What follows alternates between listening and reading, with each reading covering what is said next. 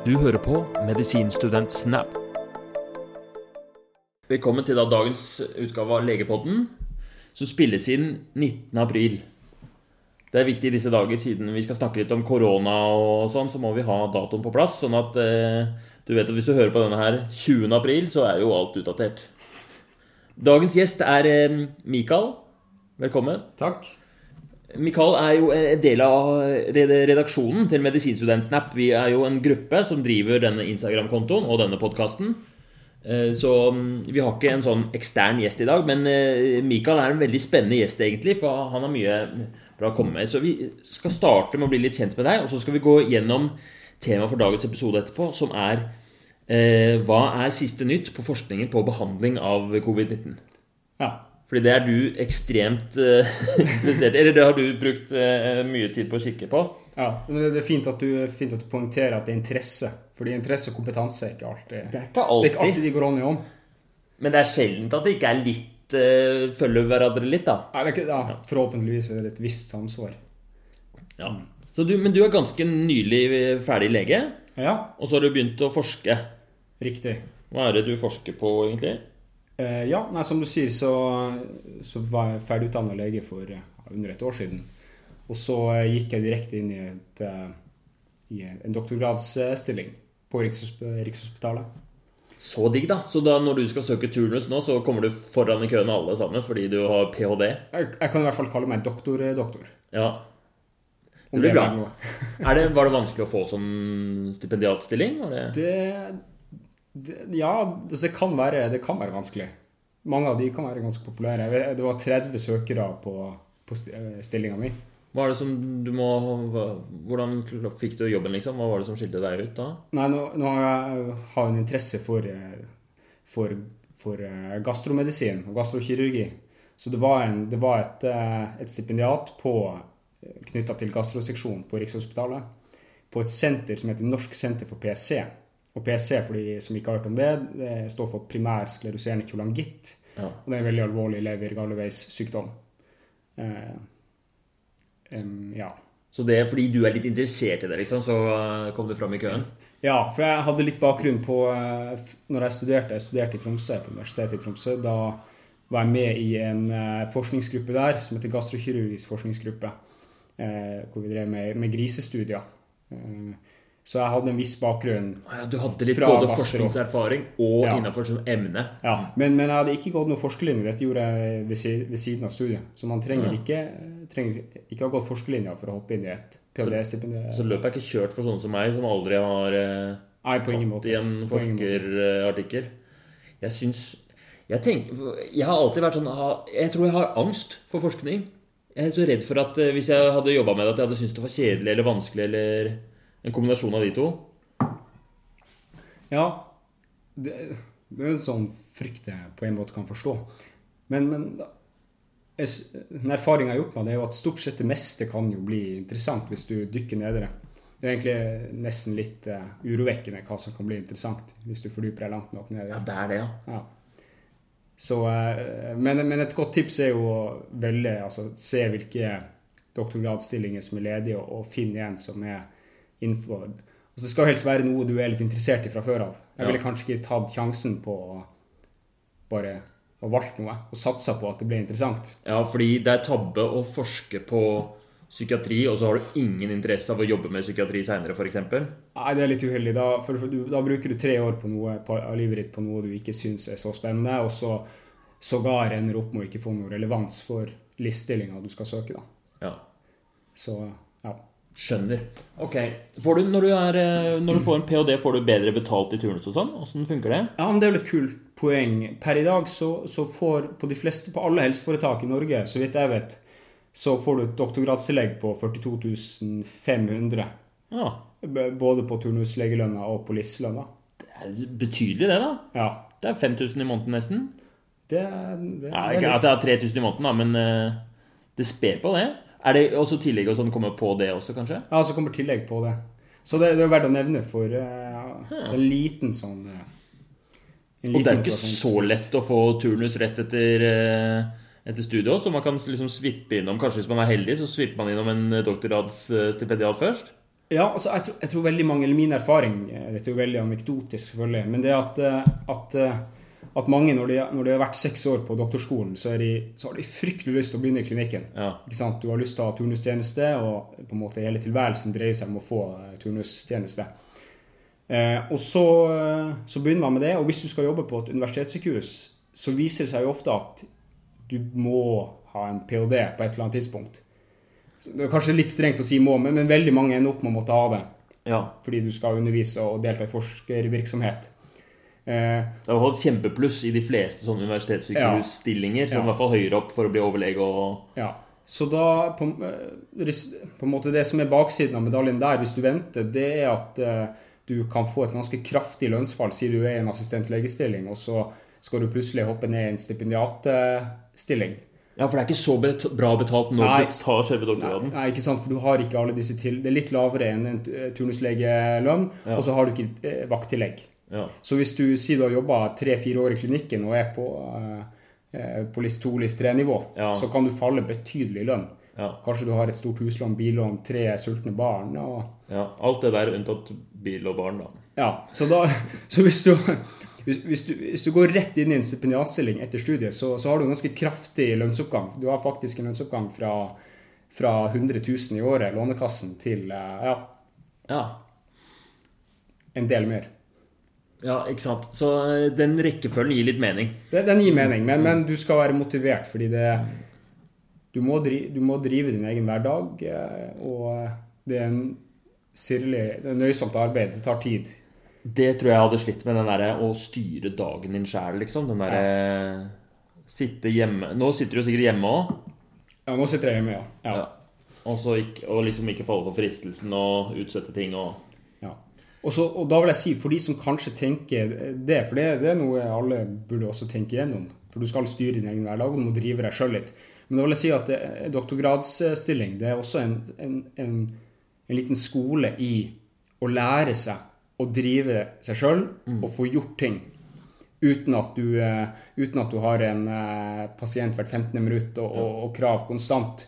Så du, du, forhåpentligvis så lærer du deg det, og det kan du ta med deg videre i, i legelivet. da, At du har fått kompetanse på starte prosjekter, gjennomføre de, få de gjort på eget initiativ. Ja.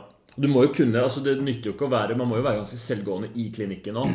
Jeg merker jo det nå på, selv på sengeposten. Så, så er det hvis, hvis du er ineffektiv en dag, da, så plutselig så, så blir det jo dårligere behandling av det. Så man, det, det, er, det funker så mye bedre hvis du klarer å være skikkelig på hugget og ta unna ting som Ja vel, det kan kanskje gjøres i morgen. Den henvisningen kan skrives i morgen. Den, eh, men, men, men hvis man gjør det er i forkant hele tiden, så blir det så mye bedre. Anyways, hva, hvordan var det å studere i Tromsø, egentlig?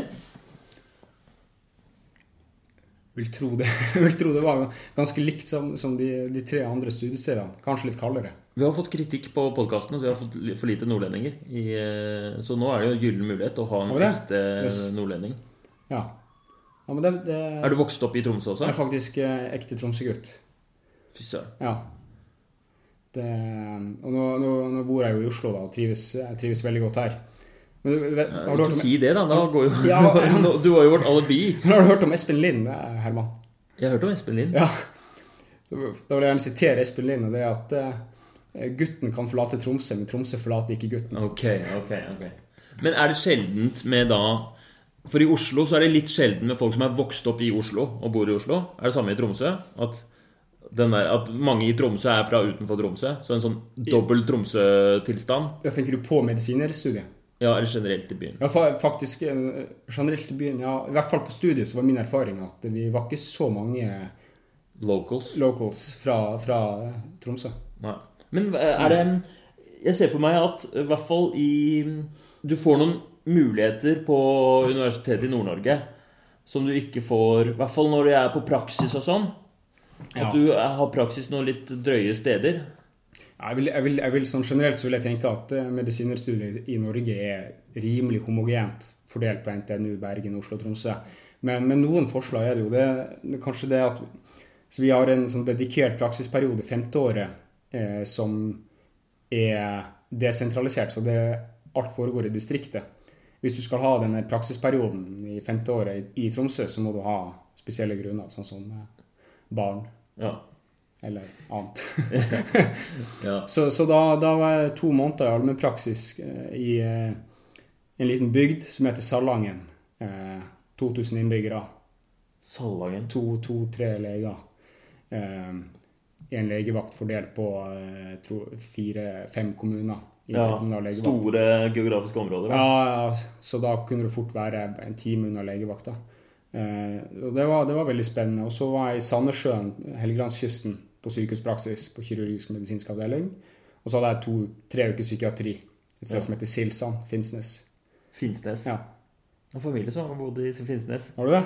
Er det Ja, hva, opplevde du noe øh, spennende i løpet av praksisen? Ensomhet. ja, fordi da du, var du eneste studenten på disse stedene? Er på, nei, da, ikke i Sandnessjøen, det var, det var veldig, da var vi en gjeng.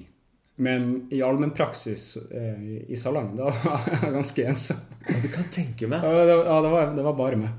Men, men det til gjengjeld var jo ganske, var jo ganske gøy, da. Tidvis. Hva var den sykeste pasientopplevelsen der, da? Kanskje kan du trekke fram Jeg, jeg, syns det var ganske spennende. Det var en, det var en, en eh, pasient X som hadde fått et eh, ankelbrudd. Og da er du ganske langt unna nærmeste sykehus. Legevakta er på Setermoen. Så må du enten kjøre et par timer opp til Tromsø nordover, eller så må du kjøre sørover til Narvik noen timer. Ja, så det er en Eh, times reise til nær- nærmeste ortoped. øh. Ja, Med mindre selvfølgelig helikopteret kan fly, men det er jo ikke alltid de kan. Hvis været er dårlig, så kansellerer de oppdraget. Så da er det ambulansebil eh, du er avhengig av. Eller legevakta. Nei, så da Det var en rimelig stygg eh, ankelfraktur som var helt dislosert, så det var ikke puls til start. Og da Du fikk pasienten til deg, eller hvordan Da, da fikk, tok vi pasienten til legevakta, og eh, Når var det du fikk vite at det ikke var puls? Det fikk, ja, det fikk vi vite, fordi da, ambulansen var jo på stedet, og de hadde undersøkt pasienten og Ok, sa at det ikke var ja, puls. så du fikk når, når du, Det første som skjedde når du hørte pasienten, det var at var telefonen fra ambulansen? Ja. Eh, Da Beskjeden var vel kort og godt at de hadde en eh, pasient med dislosert ankelfraktur uten puls distalt, og de lurte på om de skulle ta han til sykehuset, han eller hun, til sykehuset, eller til legevakta, som var ti minutter unna. Så har du valg mellom å ta pasienten med en pulsløs fot i eh, to timer til nærmeste sykehus, eller så kan du kjøre 10-15 minutter til legevakta. Ja, og da var du på den legevakta? Ja, er jo en, en annen lege, da. Ja. Så da Men da tok eh, Nå skal vi passe her for å ikke si for mye her, men, men vi, vi, vi reponerte den på plass.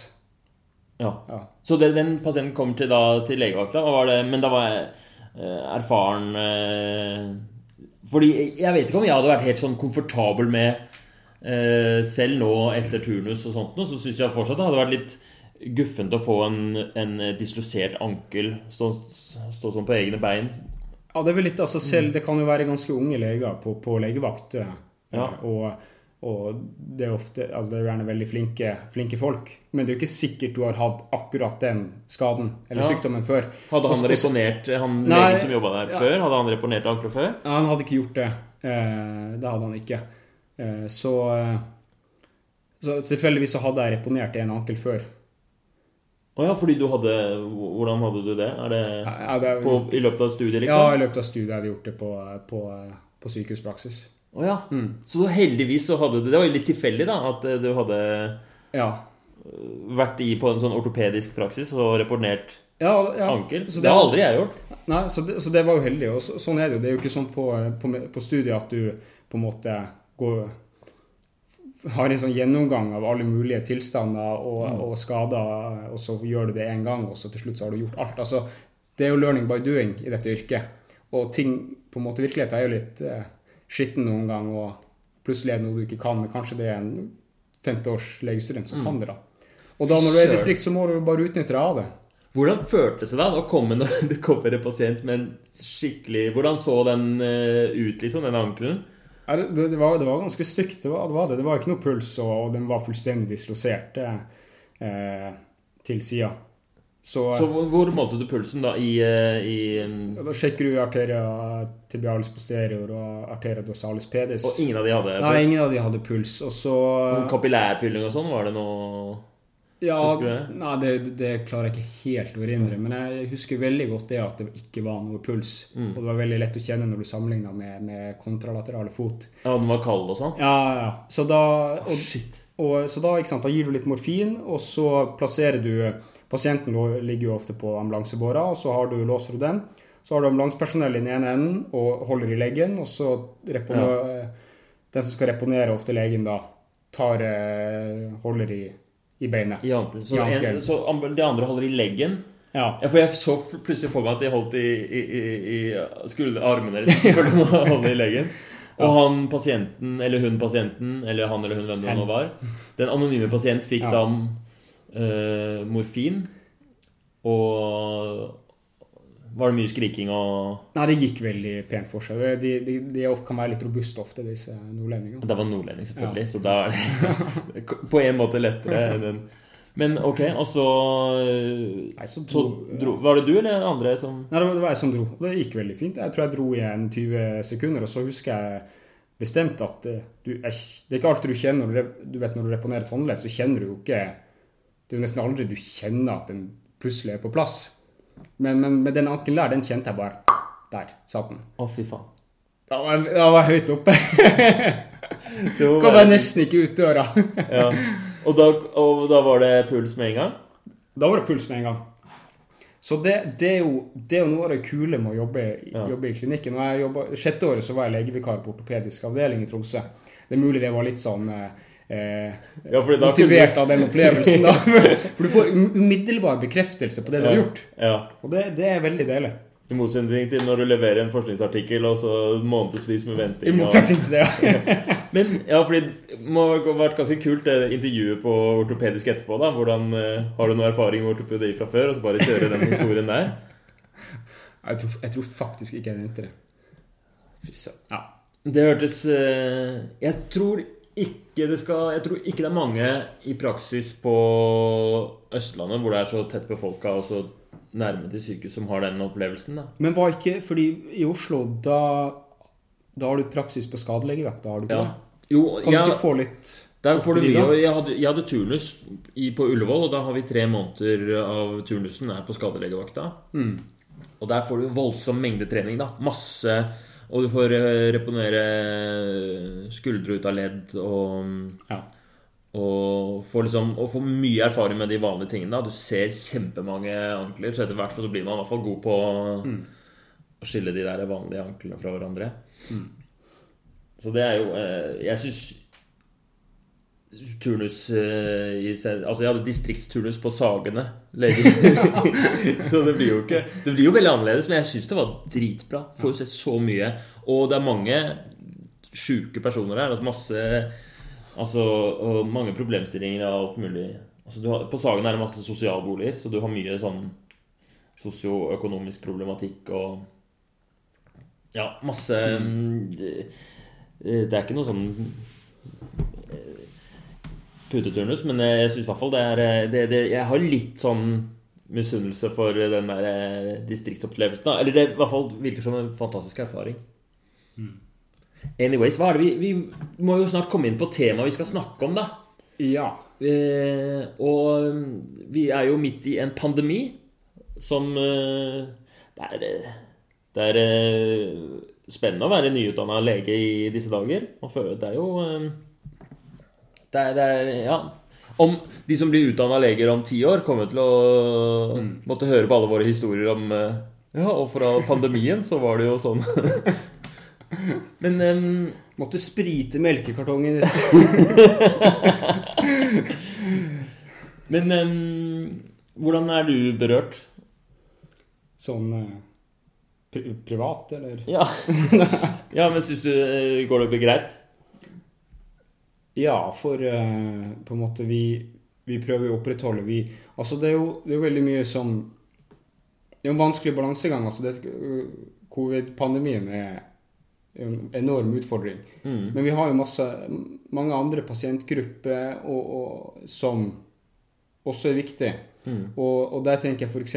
på forskningsaktiviteten på OUS. Så, så, så er det viktig at vi klarer å opprettholde det. Så, så vi har stort fokus på, på å opprettholde aktiviteten vår på PC og på, på det andre, andre ting vi forsker på. Ja. Eh, det, det er mange andre folk der ute som har alvorlige sykdommer, og eh, som Mm. trenger at, at verden og forskninga går videre på det. Ja. Og, og så skal det sies at vi det påvirker jo, Nå er ikke jeg sjøl direkte involvert i det foreløpig, men vi, gruppa vår hjelper til med, med en covid-behandlingsstudie. ja. Så Så vi må, det må vi komme inn på senere. ja, det kommer vi vel tilbake til. Men mm. rent for min del så, så er det Så holder jeg på med, med mine ting. Ja, Det er så viktig at man klarer å få på plass løsninger sånn at eh, ting går Særlig forskning og, og Altså de der tingene som fort gjort kan bli nedprioritert når andre ting haster. Ja. Men det er altså så viktig å holde de hjulene i gang. Ja. Jeg synes det er Også på psykiatrisk, på akuttpsykiatrisk, der hvor jeg jobber nå, så er det egentlig ganske bra. Vi er fullt bemanna, og vi har gjort masse endringer for å, å ta høyde for eh, når pasienter kommer med psykose og covid-19, liksom. Men, eh, men det er i hvert fall eh, Det er business as usual på ganske bra, da. Ja, ikke sant. Det, til, nå har jo dessverre instituttet vårt på Rikshospitalet vært stengt i en måned. Men nå har vi gradvis begynt å åpne. Så nå Ja. kan vi ha tre fra hver gruppe hvis de må gjøre lab- labarbeid. Ja. Så kan være til stede. Ok, Men du har i hvert fall brukt koronapandemitiden på å gjøre det du liker best. Det er å, sånn jeg har forstått det, å lese forskningsartikler. Ja, topp tre, i hvert fall. Ja, Og det passer jo veldig bra for meg, for jeg er ekstremt nysgjerrig på hvordan vi ligger an med, med behandlingsalternativer. Så du har liksom fått i oppgave, eller du, har, eller du har i hvert fall gjort det på egen hånd, da. Jeg har gitt meg sjøl i oppgave. Gitt deg sjøl i oppgave å gå gjennom, eh, gå gjennom hva som finnes av behandlingsstudier og resultater, foreløpige resultater.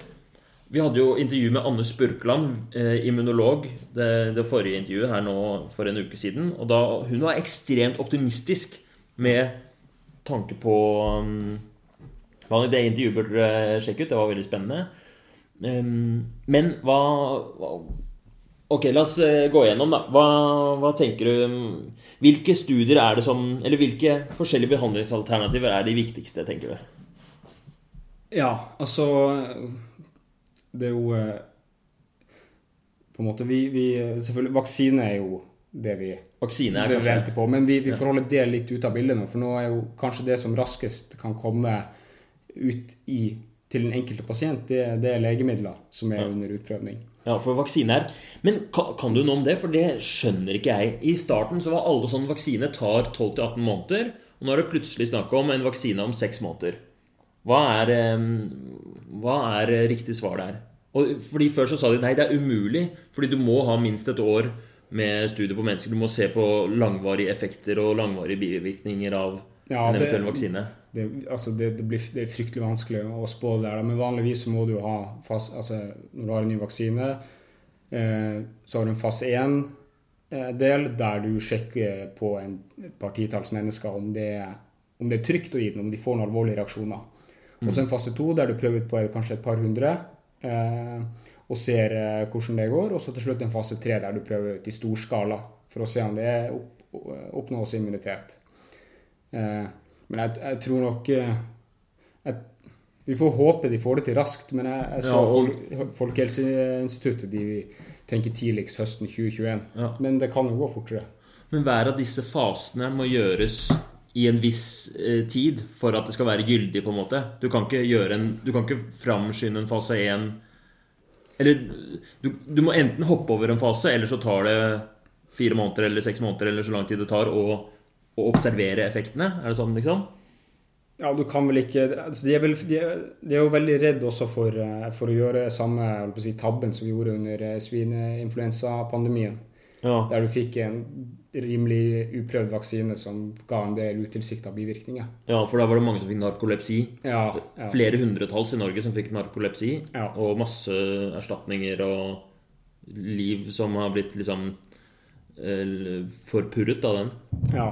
Men på en måte må jeg påpeke at jeg er jo ikke, er jo ikke epidemiolog eller Ja. virolog eller noe slikt, men, men uh, Ingen av oss er eksperter, vi er nyutdanna leger, men vi er nysgjerrige. Vi må få lov å spekulere litt og prøve oss fram. Ja. Hvis det er noen eksperter som hører på, og som vil arrestere oss på noe, så vær så snill, send en melding. Enten til eh, meg, Herman Egenberg, kan sende på Messenger, eller på, eller på eh, Instagram eller på mobil på tekstmelding 45 21 90 89.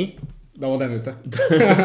Ja, men det tenker jeg er viktig. At, um, og det skjer jo ofte et, i, i, løpet av um, eh, intervjuer at man sier noe feil. Og da går, vi kan gå inn og legge inn eh, Vi kan redigere i etterkant også. Det er ikke noe problem. Ja, det, det, hvis noen vil ha noe tilbakemelding på, på informasjon som vi kommer med, så ja, som Herman sier, Mm. gjerne kom med det. Så lager, legger vi ut en tilleggsepisode hvor vi nevner alt det. Vi, vi gjør bare vårt beste nå på å prøve å formidle litt av eh, Ja, Formidle et litt, lite bilde av hva som foregår. ja.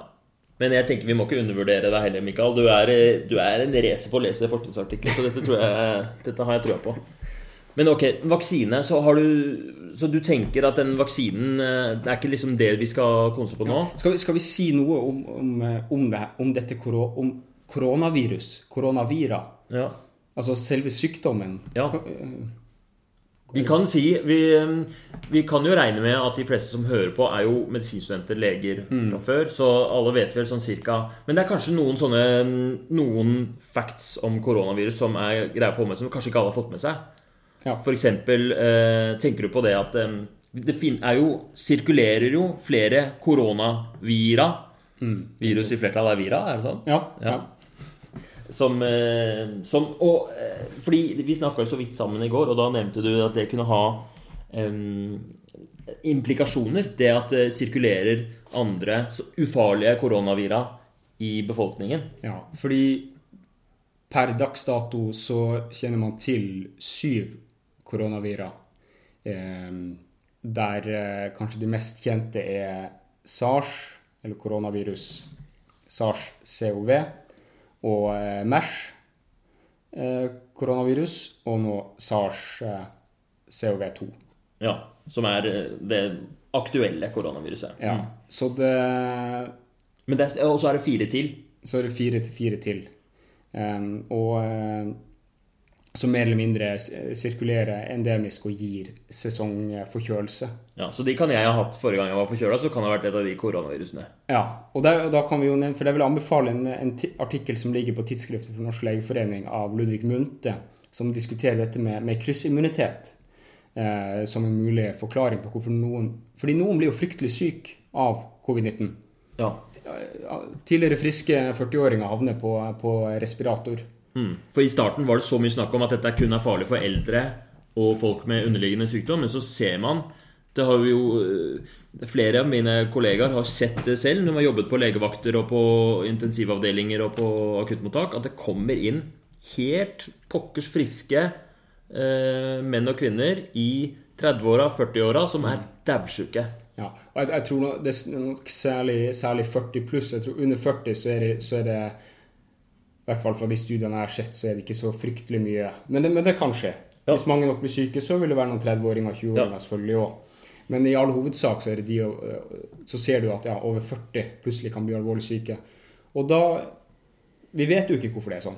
Nei. Men en mulig forklaring er kryssimmunitet. Men hva er, det, hva er kryssimmunitet? Hvorfor er det viktig? Nei, Enkelt sagt så er det at, du, at hvis du har vært smitta av andre koronavirer, så har du eh, opp, Fordi de er ganske like, så har du opparbeida en immunitet mot eh, SARS-viruset.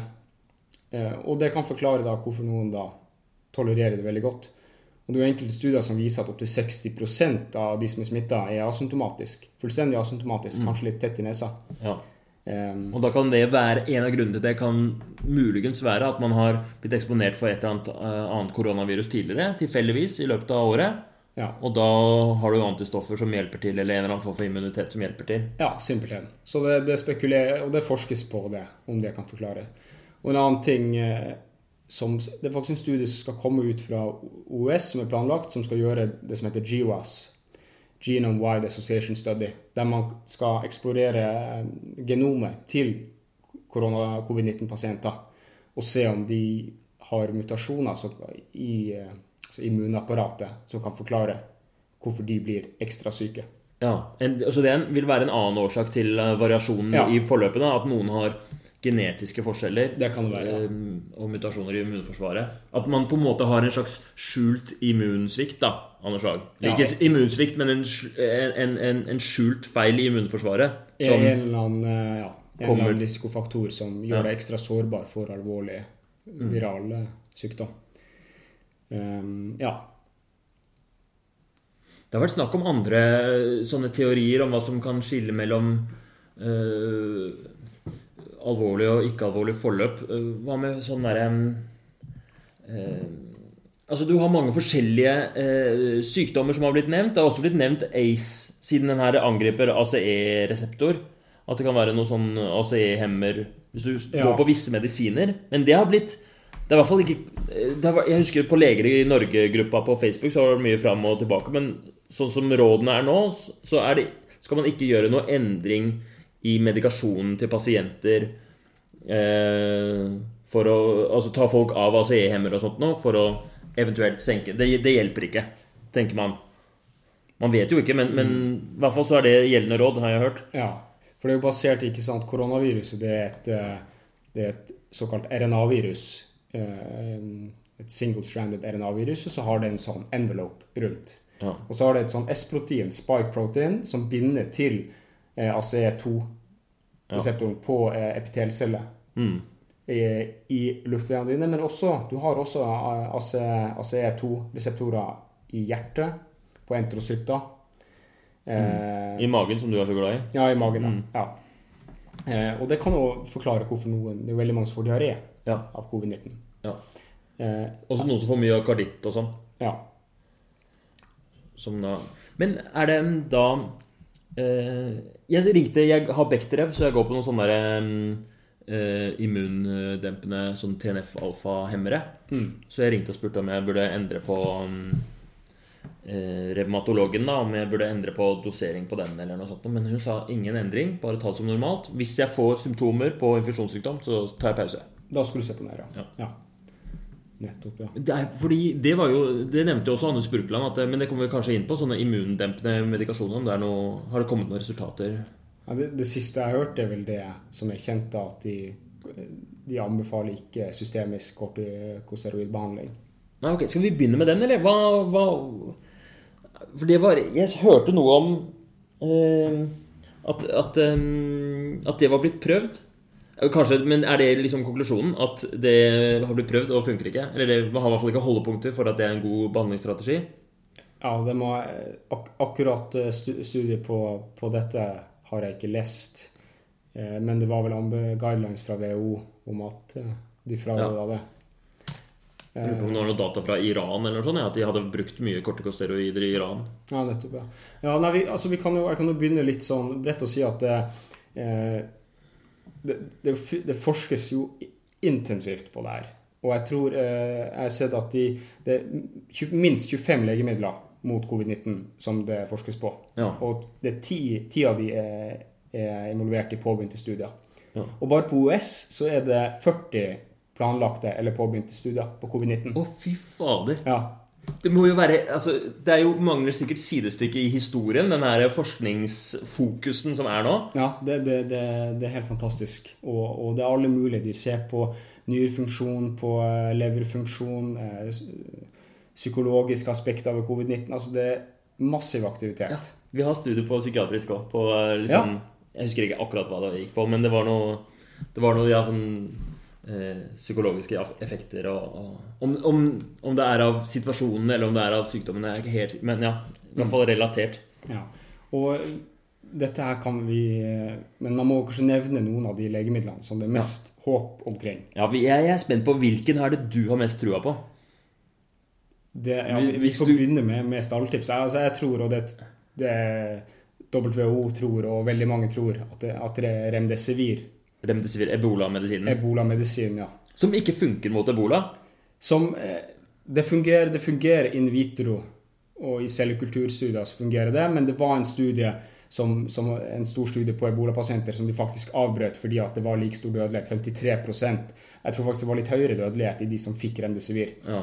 Men, men, jeg tror det var spekulert i at det kunne være ja, andre grunner til at de fikk det resultatet man okay. egentlig burde forvente en effekt. Men ebola er en ganske annerledes uh, sykdom. Uh, Men sånn flaks, da. At vi har en uh, medisin mot en helt random annen virussykdom, og så kan det vise seg at det funker? Ja, og remdesivir er veldig spennende. Det, det er et såkalt nukleosid-analog. Eh, som eh, ikke sant, Et virus, det, det, det har jo ikke noe maskineri for å lage, for å replisere seg sjøl, og det har ikke noe funksjon for å lage egne proteiner. Så det går inn i Koronavirus det bruker denne S-proteinen for å binde AC2-reseptoren, og så går det inn i epitelceller i lungevevet, og der ved hjelp av en sånn RNA-polymerase så begynner det å eh, lage de proteinene som ja. det trenger. Er det kroppens egen polymerase? Det, det er en polymerase som er koda for i eh, RNA-et til koronaviruset. Ok, Så du, du slipper inn eh, RN, eh, masse RNA, og ett av de proteinene som er koda for, er en sånn polymerase? Mm. Som eh, fremskynder hele eh, bygginga, liksom? Ja, og, og, og, da vil, og da vil den bruke RNA-et til viruset direkte som et sånn såkalt mRNA for å, det vi kaller translasjon, at det lager proteiner. Ja. Så da plukker det opp eh, nukleotider og baser, så lager det, ja. lager det proteinene de trenger. For, I motsetning til noen er, er, dette viruset her sånn at det går inn og eh, på en måte bosetter seg i For det er noen som på en måte har sånn revers transkriptase. At det, ja, det blir en del ja. ja. Men dette her er ikke sånn? Nei, dette, ikke, dette, det, dette trenger ikke en reversskranskriptase. Ja, så det bare ligger sånn RNA løst inni cellen? Ja. Og, så... og, eh, og, da, når den lager alle de proteinene som det trenger, så, eh, og nytt eh, genom, så kan det frislippes nye virus. For det må lage proteinene til denne envelopen og osv. Ja. Og spike-proteinet. Alt ja. det er koda for. Det er så da, fett, syns jeg, med virus at de har, de har, Det er ikke mange Det er sånn ti proteiner, eller jeg husker ikke hvor mange det er. Men det, ja, det er ikke så mange, nei. Det er sånn noen få proteiner. Så bare, tuff, altså, klarer de å ta over en hel celle, ja. som jo består av dritmye En sånn ekstremt kompleks greie, mm. men bare sånn helt spesifikt ti proteiner inn, og, og, bare kupper hele produksjonen. Ja, det, det er skremmende og utrolig fascinerende. Ja. Så da, så da, har du denne RNA-polymerasen, som jo er vesentlig for at den skal kunne replisere seg sjøl og lage de proteinene som det, som det, har behov for. Og remdesivir går inn eh, og simpelthen stopper opp RNA-polymerasen. Stopper replikasjonen. Det går inn i, i eh, RNA-et der og så, så og konkurrerer ut andre nukleotider. Og da, etter eh, et par eh, et par sykluser så stopper det opp, og da får de ikke replisert nye nytt genom. Men vil ikke det påvirke masse celler som driver og Eller hvordan kan det liksom Hvordan virker det Vil ikke det stoppe masse celledeling og, og, og proteindannelse i andre celler? Eller hvordan funker det, liksom? Vil, jeg, jeg, altså, tror, jeg, tror, ikke det. Eh, men, men, det har vel vært snakk om at eh, altså, de, de, Det har jo vært snakk om at det kan være noe annen organpåvirkning av, av legemiddelet. Mm. Og da tror jeg man har tenkt at det kan forklares av noen sånne interaksjoner. Ok, Men i, i, eh, som hovedpoenget er at remdesivir stopper selve den replika, eller produksjonen av proteinene som viruset driver med? Ja. Mm. Så, det, så, da kan det ikke lage Det kan ikke lage nye vira. Så hvis da, jeg, da ser jeg for meg at hvis jeg hadde tatt det her før jeg fikk viruset, så ville ikke viruset klart å slå seg ned og bygge seg opp i det hele tatt. Ja. Så sånn profylaktisk så hadde det vært eh, dritbra å bruke det. Ja, det, det, det, er mye som tyder på det. Og, eh, og dette her, ikke sant, dette har de jo forska på lenge, fordi det var jo 2002-2003 at eh, SARS-epidemien kom. Og så kom MERS i 2012. Eh, så de har prøvd dette ut i flere år på, på MERS og på SARS. De har prøvd remdesivir? Ja, remdesivir. I, og særlig mange, mange forskjellige in vitro cellekulturstudier. Ja. In vitro, hva betyr det? Det er sånn ja, okay. utenfor mennesker, liksom? Bare i, en, i et eh, reagensglass? Eller, ja, ja. ja, nettopp. Mm. Eh, og, da, og, da, kan vi trekke fram Det var et paper fra, eh, i Cell i mars 2020 av Wang et al., der de faktisk prøvde dette ut på eh, korona, altså vårt nye koronavirus, COV2. Eh, der det viste at det hemma replikasjonen eh, dramatisk. Ja. Og så syns jeg kanskje den studien som er, som er veldig interessant, det var en studie som var gjort på eh, rhesusape. Eh, der de hadde, de hadde noen titalls med rhesusape som de infiserte med dette MERS-viruset. Og så var det én gruppe, det var tre grupper. Én som fikk placebo. Den andre gruppen fikk det profylaktisk 24 timer før inokulasjon av MERS. Og den tredje gruppa fikk det 12 timer etter inokulasjon av MERS. Og eh, kort sagt, så de som fikk det profylaktisk, de fikk ikke økt respirasjonsfrekvens. Eh, de ble ikke syke. De hadde ingen eh, lungefunn ved obduksjon, og de hadde ingen radiologiske infiltrater. Mens de som fikk det terapeutisk, de hadde litt økt respirasjonsfrekvens, men den var signifikant lavere enn de som hadde placebo. Og de hadde mye, færre, mye mindre lungeskade, og de hadde lite funn. Ekstremt lovende. Men det her var på MERS, ikke ja. på Og det er, jo viktig, det er jo forskjell mellom MERS. Altså MERS, jeg tror de sier at det er 50, 50% genomisk likhet med vårt nye koronavirus. Ja. Og den 2003 eh, SARS-viruset, det har en 80% likhet ja. eh, i DNA, RNA. Så du kan ikke nødvendigvis overføre MERS-funn til covid-19. Ja. Men, men det, det, er jo veldig spennende. Det er spennende. Ja. Men eh, nå fikk jeg masse spørsmål sånn der, eh, hva, hva er en rhesusape? Er det liksom, Har den fått noe sånn menneskeblod, eller hvorfor heter det rhesus?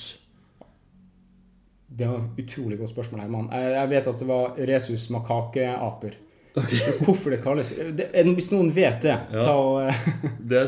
Og så lurte jeg på én ting. Når man gjør sånne studier på aper, er det fortsatt dobbeltblindet? Er det er, det det Men jeg regner vel med at de blinde, sikkert i hvert fall forskerne og de som utfører Men det, og de, de, burde jo det. Apene er vel ganske blinde uansett. Ja, de, de, det er i hvert fall eh, ja. enkeltblinde. Ja. ja. Ok, så Hva mer med Remdesivir? Er det blitt kommet noen resultater fra hvordan det har gått med Altså, ekte covid-pasienter? Altså, det er jo nettopp det. Så Remdesivir er det man har mest tro på fordi det har så god effekt i cellekultur, og denne her AP-studien som jeg nevnte. Ja, og Det som er så genialt, i og med at det er et legemiddel som har blitt brukt mot noe annet før, så har man i hvert fall man har informasjon om bivirkninger, og man vet en del om, om eventuelle negative effekter på frisk befolkning, f.eks. Ja, og det er et kjempegodt poeng, Herman. For det er jo derfor de har kunnet At det går såpass fort. Ja. Det at man vet akkurat det. Eh, Nei, det foregår Sist jeg sjekka i dag, og da per dags dato så foregår det syv studier på remdesivir. Og, og den meste, dette selskapet som lager remdesivir, Gilead, ja. de, de, har, eh, de, har, en egen studie der de har én kohorte der de tester på de med moderat sykdom, og en annen på de med alvorlig sykdom. Og det er jo også spennende, fordi vi angriper jo virusreplikasjon, og vi kan snakke mer om det etterpå, men det, det er jo immunresponsen er kanskje vel så viktig for de som får alvorlig ja. sykdom. Eh, så det kan hende at de med alvorlig sykdom er, har kommet for langt til at du får en veldig stor effekt. Ja. Det kan hende at alle virusene allerede er drept i det tilfellet, men de er fucked allikevel fordi de får så stor eh, immunrespons. Ja. Bare som gir kjempeødemer i lungene. Ja. Eller den derre Altså de bilaterale lungebetennelsene og, mm. og mm. Ja. Og så, så, så Gilead har, har, sin egen studie, og så har jo WHO en studie som heter Solidarity Trial. Som er Er det det Oslo universitetssykehus er med? Ja, det er det OUS er med ja. på. og uh, Den heter Om jeg sier det riktig det heter, Den norske, norske grena det heter The Norwegian Solidarity Multicenter Trial on the efficacy on different antiviral drugs in SARS coronavirus to infected patients. Ja. Planlagt 700 pasienter. Okay. Og der er det samme. De tester på moderat sykdom og på en gruppe med alvorlig sykdom. Ja. Og eh, den eh, I hvert fall for Gilead sine så er de grupper med alvorlig sykdom Resultatene der er venta å komme i slutten av april. Så det følger jeg veldig spent med på. Oh, Og moderat i løpet av mai. Ja. Og WHO sin studie som Norge er med på, det er først ut i, etter juni. Etter juni, ok. Ja. Fader. Men jeg, fordi Gilead de, Eller det var i hvert fall noen som slapp noen resultater eh, noen sånne preliminære resultater, eh, om det var på fredag eller noe sånt noe. Fordi det var i hvert fall en nyhetssak om at Gilead-aksjen hadde gått i været. Økt med 14% eller noe sånt noe. Ja, så, så vidt meg bekjent så har det vært tre nyheter. Det ene er at når USA fikk sin første covid-19-pasient, eh, en mann som ble, som ble, lagt inn, og eh, på, på, dag fem på innleggelsen så begynte han å bli dårlig. Og eh, saturasjonen falt ned til 94% og da søkte de om å gjøre såkalt compassionate treatment med remdesivir. Eh, og da, på dag åtte, så begynte han å bli bedre. Ja. En, en liten anekdotisk historie på han. Ja. Mm. Og sånn, så kan man jo si at ja, det, det var én pasient, men ofte så begynner jo ting med én pasient. da. Mange store gjennombrudd i medisin og behandling har starta med en anekdote Mm. på noe som har fungert.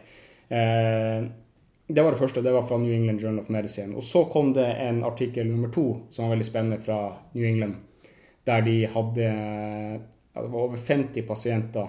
Og dette var, dette var ikke en RCT, så det var bare én behandlingsgruppe. 53 pasienter som fikk remdesivir, og de gir du intravenøst. Du gir først en sånn dose på 200 mg, ladningsdose, og så i de neste ni dagene så får du 100 mg IV. Eh, og der viste de at de hadde en sånn overordna dødelighet i sin kohorte da på 13%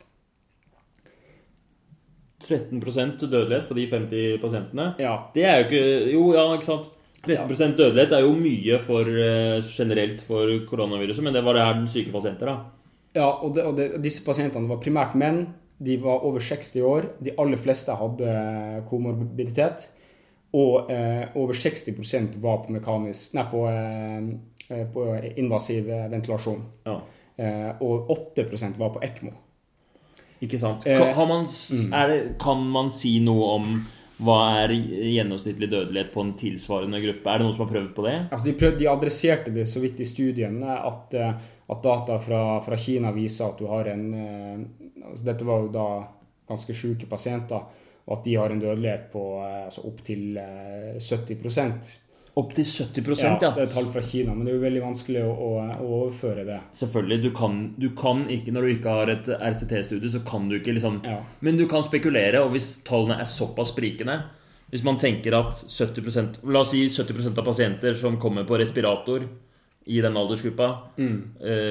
det, vet- det vet jeg ikke. Det høres mye ut. Ja, jeg tror det, det beste eksempelet jeg fant for å klare å forstå altså Hvordan skal vi forstå? Det er jo kjempevanskelig når det, bare, når det ikke er en RCT. RCT. Det var, bare, det var ikke kontrollgruppe. Men de sammenligna med et annet legemiddel som vi kommer tilbake til, da, men eh, eh, dette hiv-legemiddelet Ja, hvilket er det? Det er, det er lopinavir, ritonavir. Og det var en studie. Og der var det nesten ingen som var på invasiv ventilasjon. Eh, men der hadde de 22% dødelighet. Ok, så eh, man kan tenke seg at det var en mindre syk gruppe, men det hadde høyere dødelighet. Ja, ja. Så, eh, men jeg tror det viktigste vi fikk ut av den studien, var at eh, det gikk ganske bra å gi de remdesivir. Ja. Så man trenger jo den informasjonen nå. Og hvis du klarer å Altså, For det hadde vært helt sånn groundbreaking hvis, et medikament kan redusere La oss si du har et medikament du kan gi til alle som tester positivt for eh, covid-19. Og som da det her, De fikk det jo seint i forløpet, hvis de allerede var på respirator. Mm. Den gruppa da Hvis du da kan gjøre noe som helst med mortaliteten La oss si du kan halvere mortaliteten. Ja. Så er jo det forandrer jo fullstendig historien. Det vil påvirke hvordan, hvor mye tiltak som er nødvendig. Det vil jo gjøre sykdommen halvparten så farlig.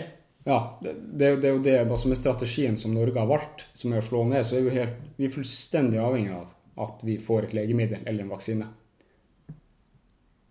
Ja, Med tanke på hva, hva, hva mener du med det? Nei, de, de skiller jo mellom bremsstrategi, slå ned-strategi. Bremsstrategien, som Sverige gjør, Ja. det formålet der er jo enkelt sagt at de vil ha flokkimmunitet. Ja.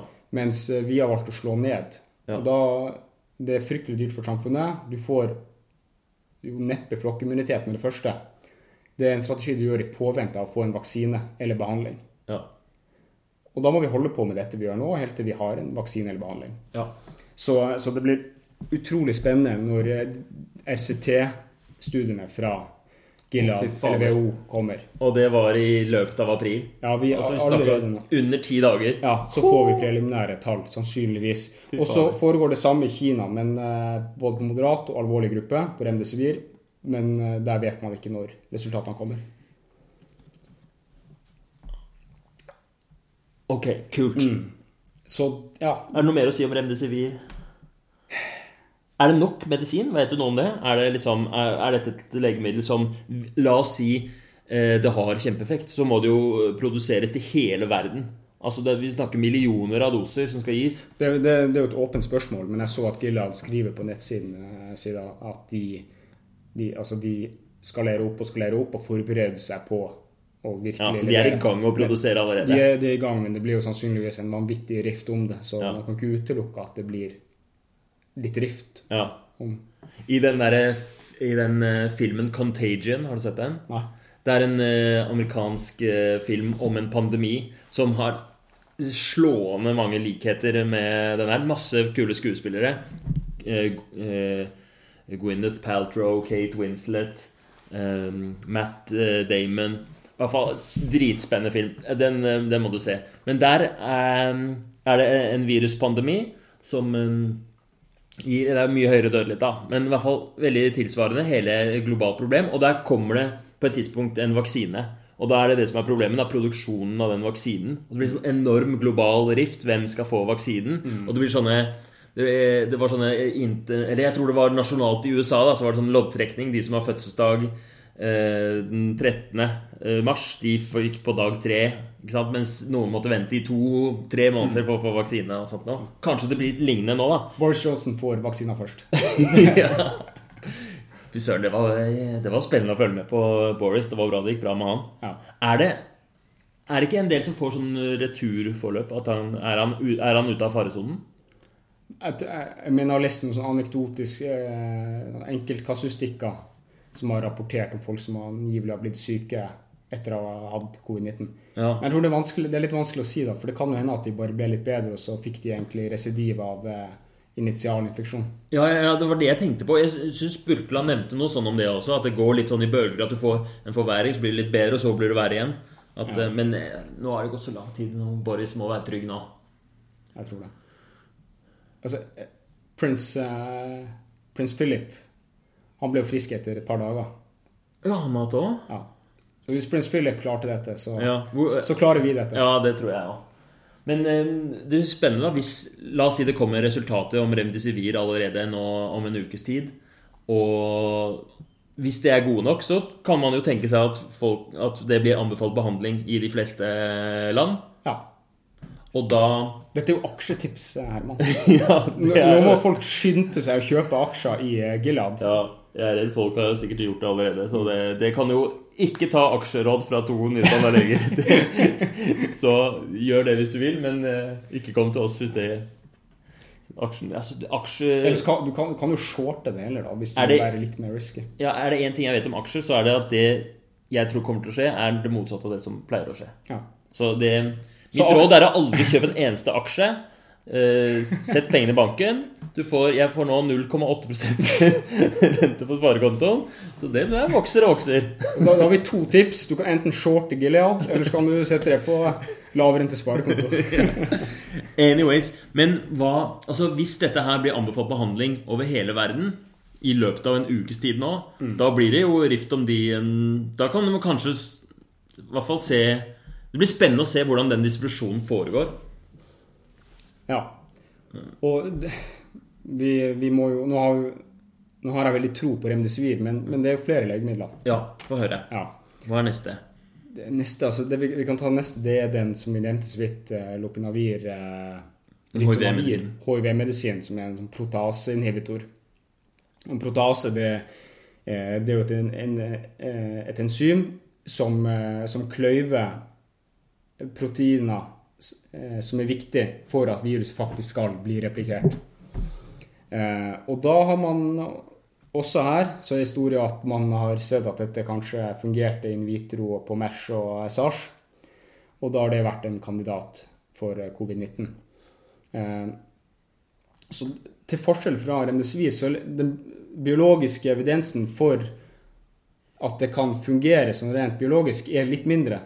Fordi at angrepspunktet til lopinavir er egentlig en protease som, eh, sånn som jeg forstod det, som eh, koronaviruset ikke nødvendigvis har.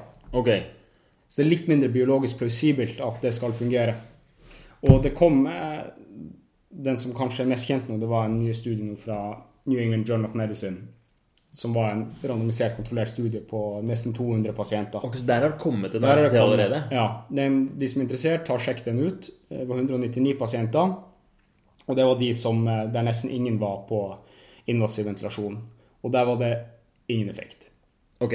Ingen effekt av eh, lopinavir, ritonavir. Ja, vekk med den. Den er helt eh, Den har Ja. ingen plausibel grunn til at den skal virke, og den virker ikke. Nei, det eneste var at de gjorde noen sånn eh, etter postdoc-analyser, så fant de ut at det kunne være at de som fikk det, ble friskere eller utskrevet én dag tidligere enn kontrollarmen. Ja, ok. Um, Ja.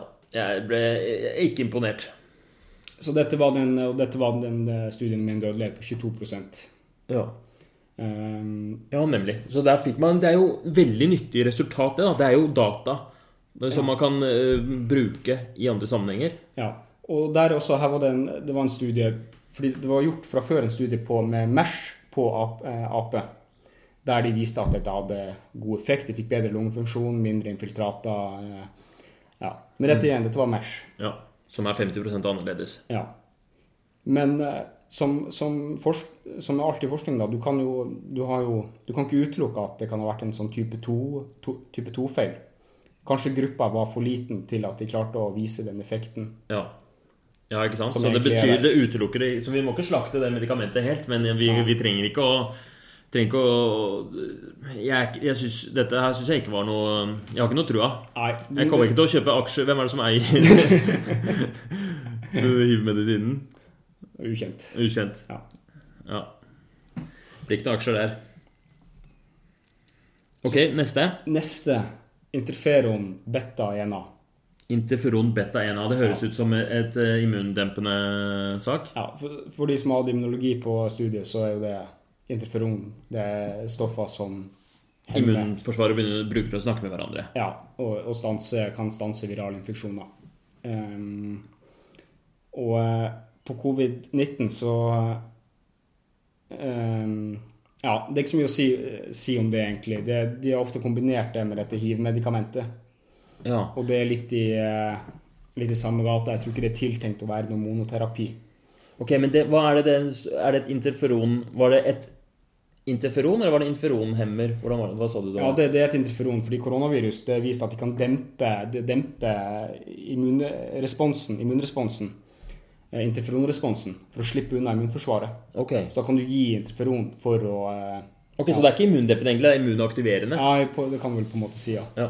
ja. Eh, Dette interferon beta det er heller ikke noe sånn stalltips for min del. Jeg okay. fant ikke så mye interessant på det. Nei. Men det som kanskje litt mer har vært mer i media, det er jo eh, malariamedisin. Særlig Ja. Trump har jo lagt sin elsk på. Ja, Trump gikk hardt ut og bare sa den eh, kjører vi. Det må vi få fortgang og få ut. Ja, så det er jo klorokin og hydroksyklorokin. Ja.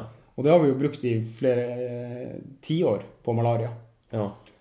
Og av litt Virkningsmekanismen er litt ukjent, da, men det, det viser seg at det har en form for antiviral effekt. Ehm, Så merkelig at malaria Malaria er parasitt.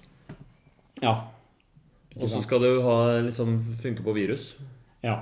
Eh, så man tror, man tror at Jeg leste to teorier. Det ene er at, eh, at Men som sagt, dette er ikke avklart hvorfor det fungerer ordentlig mot virus. Men man tror at det har noe med at eh, det endrer på pH-en inne i endosomen når viruset er kommet inn i cella, som gjør at det ikke klarer å fortsette replikasjonsprosessen.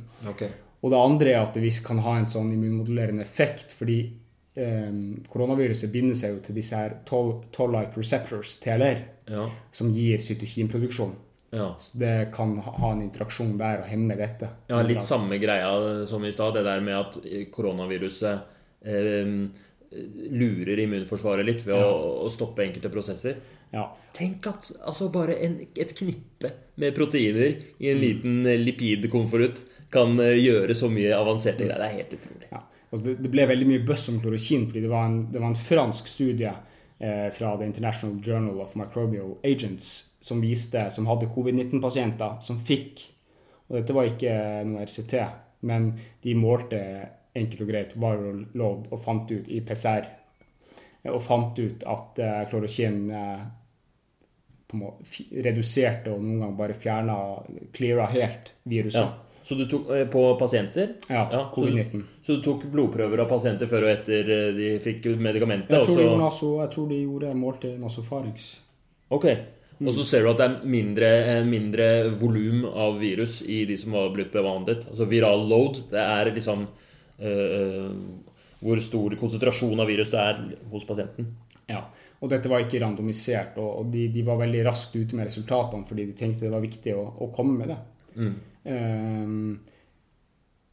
så, men eh, Og det var, jo litt, det var også litt styr i Norge, for det ble noe snakk om at visstnok noen leger drev og skrev ut resept på, på Plaquenil, Ja, for ja for, for å bruke sjæl. ja, Men det ville jeg vært litt forsiktig med, fordi det, det er jo en fare for kardielle arytmier og Ja, ja. diverse andre. Og eh, også der, der tenkte jeg fy søren eh, Vi må være ekstremt forsiktige med å begynne å, å, å En ting er, jeg, jeg ser for meg Hvis du er en ekspertlege og du jobber på intensivavdeling, og du er i, i 60 år, så du- kan du godt få lov til å, å, å, å gjøre noe greier for, deg, for å beskytte deg sjøl. Det er greit nok, men vi må jo huske på at tilliten til helsevesenet er jo ekstremt viktig i en sånn situasjon òg. Så hvis, liksom, hvis leger begynner å skrive ut medikamenter til seg selv og Det skjedde også i den filmen 'Contagion'. At han ene eh, smittevernsfyren tipset vaktmesteren på skolen til kiden om at um, han måtte komme seg ut av byen, fordi nå skal de stenge av. Og så kom det ut i media. Bam! Tilliten til myndighetene helt knust. Riots. Ikke sant? Folk eh, begynte å rane, rane butikkene og alt sammen. Så det kan skje i Norge. Men i hvert fall den tilliten som jo Man merker jo hvor godt det norske samfunnet nyter av den tilliten vi har til myndighetene, og tilliten vi har til helsevesenet og generelt. Fordi jeg syns ting går så smooth. I motsetning til i andre land hvor det er mye steilere fronter, det er mye hardere tiltak som må til. Og liksom, man hører om politi som går rundt og patruljerer og sørger for at portforbudene overholdes og sånt. Og ikke noe av det i Norge, fordi vi har høy grad av tillit. Og hvis du som lege da eh, bryter den ved å, å, ved å, å skrive ut hvert fall man, man er, Det er litt en farlig lek å spille, da. Absolutt. Absolutt. Nok om det. Hva var det? det var den, men det var, det var det medisin, den, Det er Malarone det heter. Den malariamedisinen. Ja, klorokin og hydroksyklorokin. Ja. Og det er jo med, WHO-studien den har jo alle disse oppramsa legemidlene er med. Lopinavir, Remdesivir, eh, klorokin, interferon beta. ja. Alle som du har nevnt. Ja, de testes. Og, og så Og det er, det er fortsatt, som jeg nevnte, det er faktisk 25 legemidler som undersøkes. Og det er, det er mye håp på å finne effektiv medisin mot uh, koronaviruset.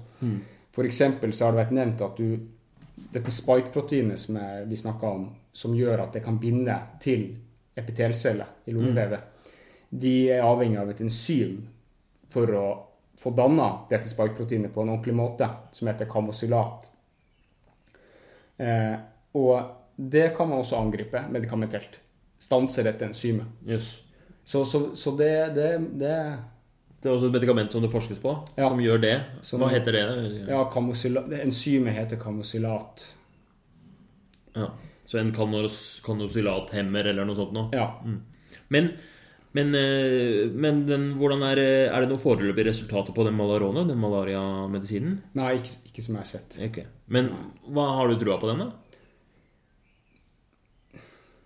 Mista du trua da Trump begynte å Da har mista mange, troa, ja.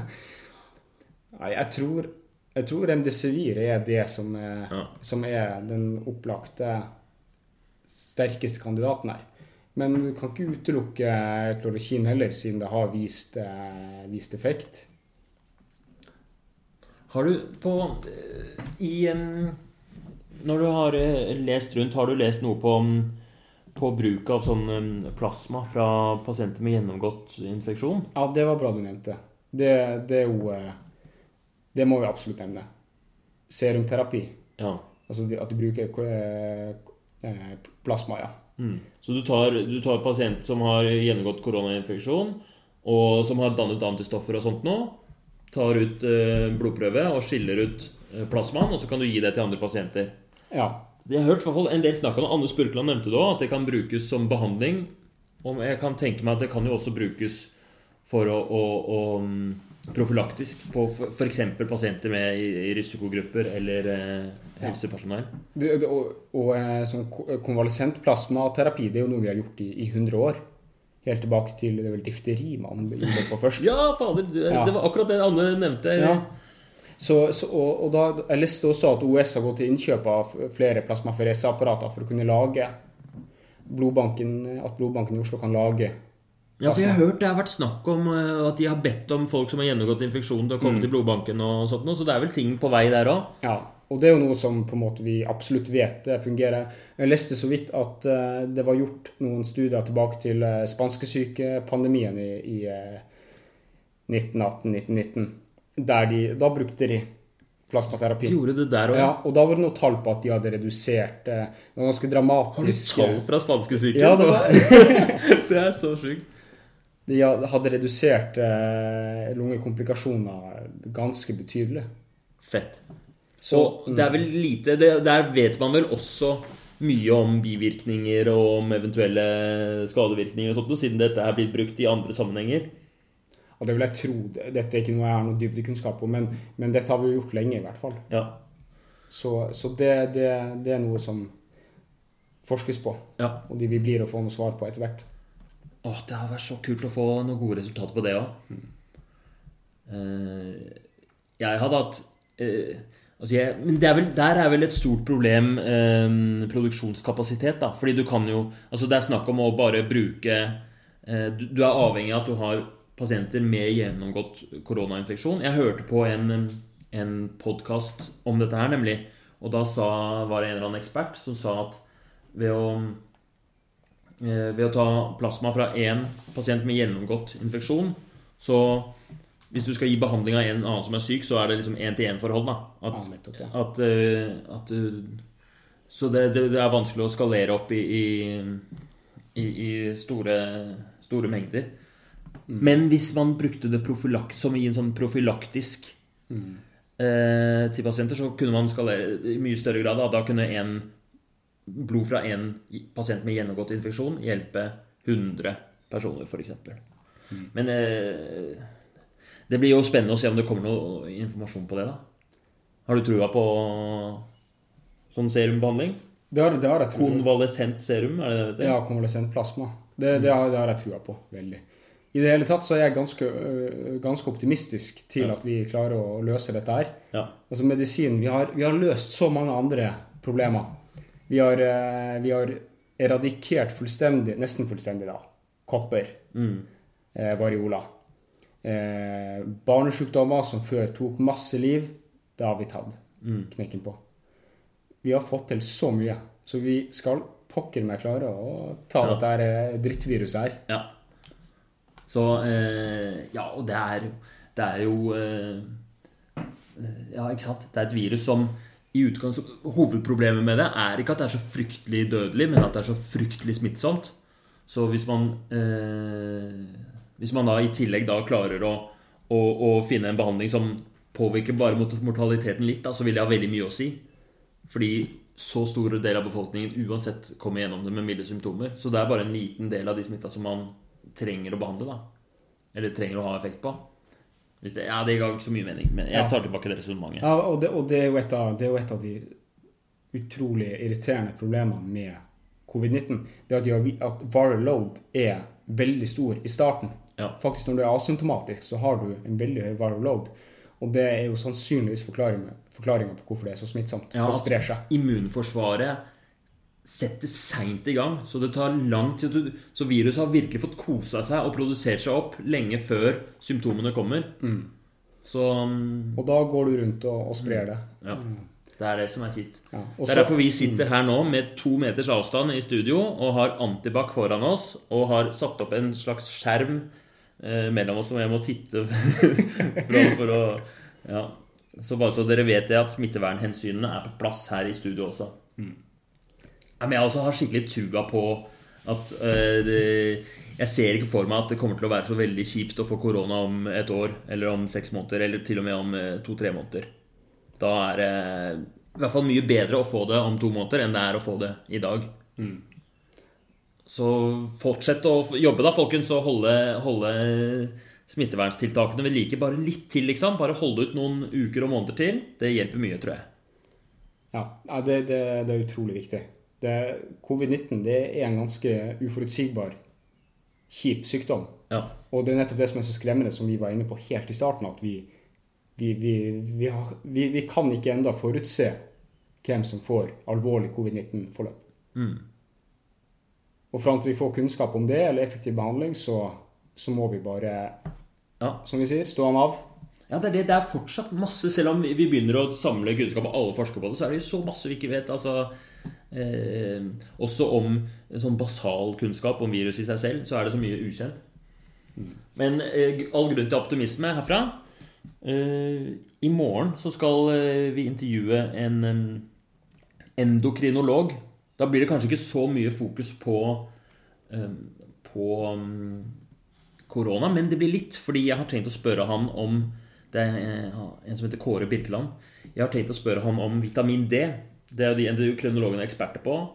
Og det har vært noen Det var en, artikkel på, som ble lagt ut på Leger i Norge-gruppa, hvor det var eh, Hvor det var noen optimistiske artikkelforfattere som mente at eh, ved å behandle vitamin D-mangel hos befolkningen, så vil man kunne beskytte de i en viss grad mot både selve koronainfeksjonen og også mot, eh, mot alvorlige forløp. Nå må, nå må, ingen begynne å drive og masseutskrive Divisun. Hva er Divisun igjen? Altså, det er vitamintilskudd. Norske ja. leger, ikke begynne å Ikke på bakgrunn av det her, men hvis en pasient har D-vitaminmangel, så skal ja. jo utsette for eh, Det er jo all grunn til å behandle. Eh, men, eh, men ja. Jeg, jeg, jeg, tror ikke folk bruker legepotten som, som utgangspunkt for å endre behandlingsretningslinjer helt ennå, i hvert fall. Hva? Men det blir spennende, og, så det var en liten teaser til ja, morgendagens episode. Det er spennende. Ellers, har du noe du vil si til slutt? Har vi glemt noe? Vi har sikkert glemt noe. Ja.